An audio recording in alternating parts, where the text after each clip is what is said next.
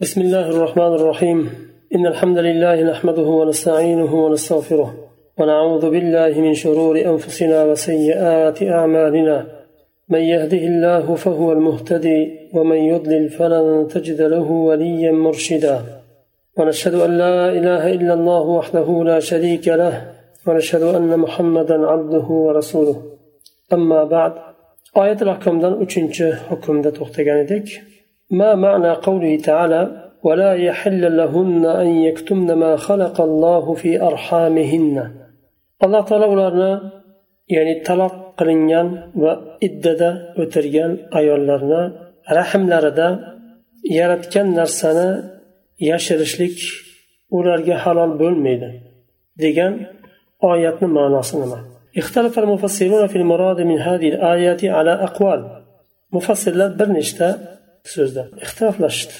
فقال بعضهم المراد بما خلق الله في أرحامهن الحمل وهو قول عمر بن عباس ومجاهد bir toifasi aytdiki alloh taolo ularni rahmida yaratgan narsa deyishdan murod homilalik ya'ni bola deyishdi va bu umar ibn hattob abdulloh ibn abbos roziyallohu anhu sahobalardan va mujahid roziyallohu anhu so'zi وقال بعضهم المراد به الحيض وهو قول عكرمة والنخعي والزهري ikkinchi qavl alloh taolo ularni rahmlarida yaratgan narsa deyishdan murod hayz buni tobinlardan akrima naha'iy va zuhriy aytgan وقال آخرون المراد به الحمل والحيض معا وهذا قول ابن عمر واختاره ابن العربي uchinchi qavl haml bola ham hayz nazarda tutildi bu oyatda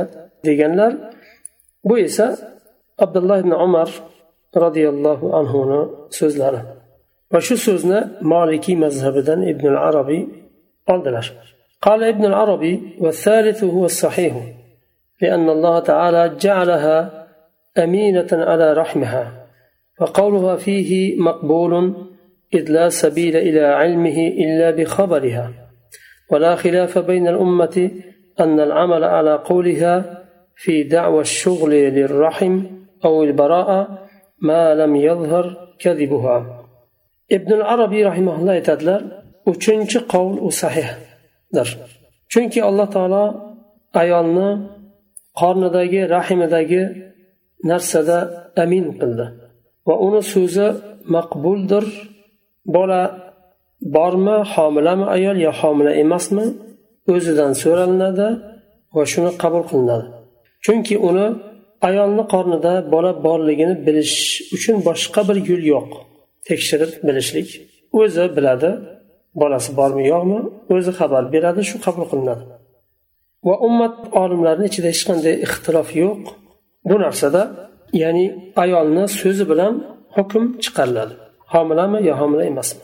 Masalan iddada o'tirgan bo'lsa iddani hukmi bor. Uch hayz o'tiradimi yo undan ko'proqmi? Agar homilasi bo'lmasa uch hayz o'tiradi. Homila bo'ladigan bo'lsa homilasini tuqquncha o'tiradi. Uni hukmini berishlik uchun ayolni o'zidan so'ralinadi homilami yo homila emasmi? Shuning uchun alloh taolo aytyapti yashirishlik halol bo'lmaydi. So'zi qabul qilinadi agar yolg'onchi ekanligi zohir bo'lmasa. Yolg'onchi aldaydigan ayol bo'ladigan bo'lsa u holatda boshqa choralar ko'riladi masalan ayol doktorlar tekshirib ko'radi boshqa qiladi shunga o'xshagan boshqa choralar ko'riladi أقول إنما حرم الله كتمان ما في أرحامهن لأنه يتعلق بذلك حق الرجعة للرجل وعدم اختلاط الأنساب فربما أدت انقضاء العدة وهي مشغولة الرحم بالحمل من زوجها ثم تزوج فأدى ذلك إلى اختلاط الأنساب وربما ما حرمت الرجل من حقه في الرجعة فلذلك حرم الله كتمان ما فيما في الأرحام مؤلف رحمه الله aytyaptilar alloh taolo iddada o'tirgan ayollarni rahimlaridagi narsani bolani yashirishni harom qildi alloh taolo nima uchun chunki bu yerda erni haqqi bor agar bolasi bo'lib turib bola yo'q desa uch hayz bilan iddasi tugaydi. Bola yangi bo'lsa agar bu to'qqiz oy uch oyga qisqaradi taxminan. Va balkim eri uni qaytarib olishi mumkin uch oy to'rt oy besh oydan keyin fikrini o'zgartirib qaytarib olishi mumkin. Qaytarib olishlik erni haqqi bu. U haqqidan mahrum qiladi agar yolg'on aytsa. Bu bir taraf bo'lsa boshqa tarafi adami ixtilotil ansab nasab qorishadi birinchi eridan bolani yashirdi uch oyda iddasi tugashi bilan ergashib ketishi mumkin va qornidagi bolani ikkinchi eridan deb davo qilishi mumkin bu bilan nasab qorishadi va alloh taolo shuning uchun bu narsani harom qildi yashirishni الحكم الرابع هل الآية عامة في كل مطلقة آيات طلب قلنيان أيولنا همسي عموم الآية الكريمة والمطلقات يتربصن طلب قلنيان أيولار iddasini saqlaydi kutib turadi deb alloh taolo aytdi taloq qilingan ayollar deganda hammasi kirib ketadimi bunga ammatun fil mabtuta va raj'iyya va qawluhu ta'ala وبعولتهن أحق بردهن خاص في الرجعية دون المبتوتة لأن المبتوتة قد ملكت نفسها المطلقات يتربصن دeganda iddat tushlik bu yerda aytilyapti bu ham taloq qilingan mabtuta u umumanga qaytarib bo'lmaydigan taloqni aytiladi masalan uchinchi taloqni bergandan keyin qaytarib bu xotinni ololmaydi uni mabtuta deydi rajaiya agar uch taloq hali tushmagan bo'lsa bir taloq ikki taloqdan keyin rajaiya hisoblanadi deganda ham mabtuta kiradi chunki iddada o'tirishlik shart mabtutaga ham taloq boin bo'lgan ayol ham idda tutadi. Rajiy taloq bilan taloq bo'lgan ayol ham iddada o'tiradi shuning uchun ikkalasiga ham om. Deganda bu rajiyalarga xos bo'ldi bu. Chunki ularning erlari ularni qaytarib olishlikka haqliroqdir.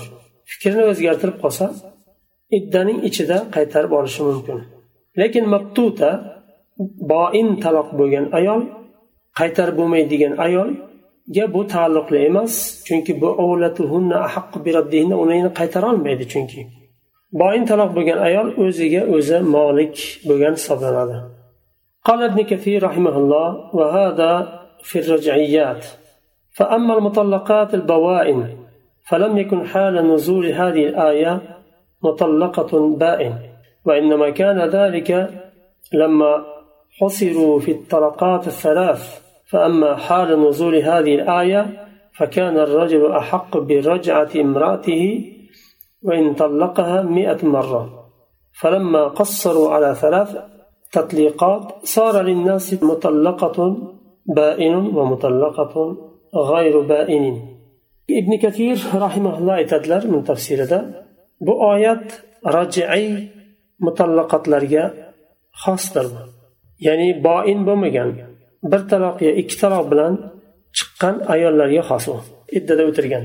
Ammo boin ayollar bo'lsa talog'i uch marta bo'lgan qaytarib bo'lmaydigan holga kelgan bo'lsa u holatda bu oyat nozil bo'lgan vaqtida boin bo'lgan ayol boin taloq bilan taloq bo'lgan ayol yo'q edi u vaqtda. Keyinchalik uch taloq bilan cheklandi. Ba'zi bir holatlar sabablar bo'lgan ba'zi bir musulmonlar ayollarini taloq berib iddasi chiqishdan oldin qaytarib olib yana taloq berib ham yaxshi yashamagan xotini bilan ham erga chiqib ketishiga ham yo'l bermagan. Undan keyin alloh taolo taloqni uchta taloqqa qisqartirib qo'ydi. Ammo bu oyat nozil bo'lganda hali uch taloqqa qisqarmagan edi. bu oyat nozil bo'lganda bir kishi yuz marta ayoliga xotiniga taloq bergan bo'lsa ham yana qaytarib olishlik imkoniyatiga ega edi u vaqtda. Undan keyin uchta taloq bilan cheklangandan keyin odamlarni orasida boin taloq va g'oyir boin taloq paydo bo'ldi. Al va beshinchi hukm raj'iy taloqni hukmi. الطلاق الرجعي يبيح للرجل حق الرجعة بدون عقد جديد وبدون مهر جديد وبدون رضا الزوجة ما دامت المرأة في العدة. فإذا انقضت العدة ولم يراجعها بانت منه. وقد أثبت شارع له حق الرجعة بقوله تعالى وبعولتهن أحق بردهن في ذلك أي أحق بإرجاعهن في وقت التربص بالعدة. وإذا كانت الرجعة حقا للرجل فلا يشترط رضا الزوجة ولا علمها ولا تحتاج إلى ولي كما لا يشترط الإشهاد عليها وإن كان ذلك مستحبا خشية إنكار الزوجة فيما بعد أنه راجعها. راجعي طلاق erkak kishiga ayolini taloq hali iddasi chiqib ketmagan bo'lsa qaytarib olishlik haqqini beradi. Yangi aqdsiz aqd nikoh qaytadan tuzilmaydi. Va mahrsiz va xotinini roziligisiz va xotini bilishligi ham shart emas shart qilinmagan. Madomiki ayol xotini iddada ekan qaytarib olishligi mumkin. Agar iddasi o'tib ketib qolsa tugasa u holatda rajiy bo'lgan nimadan chiqadi va boin bo'ladi. Chunki tamom idda muddati tugadi iddani ichida eri qaytarib olmadi demak boin bo'ladi. Agar qaytaraman desa ayolni roziligi shart. Yana yangi aqd nikoh tuzilinadi va mahr nima qilinadi? Hamma narsa yangidan boshlanadi. Alloh taolo haq berdi qaytarib olishga erkak kishiga. Erlari bu vaqtda idda muddatida qaytarib olishlikka haqliroqdir. Ya'ni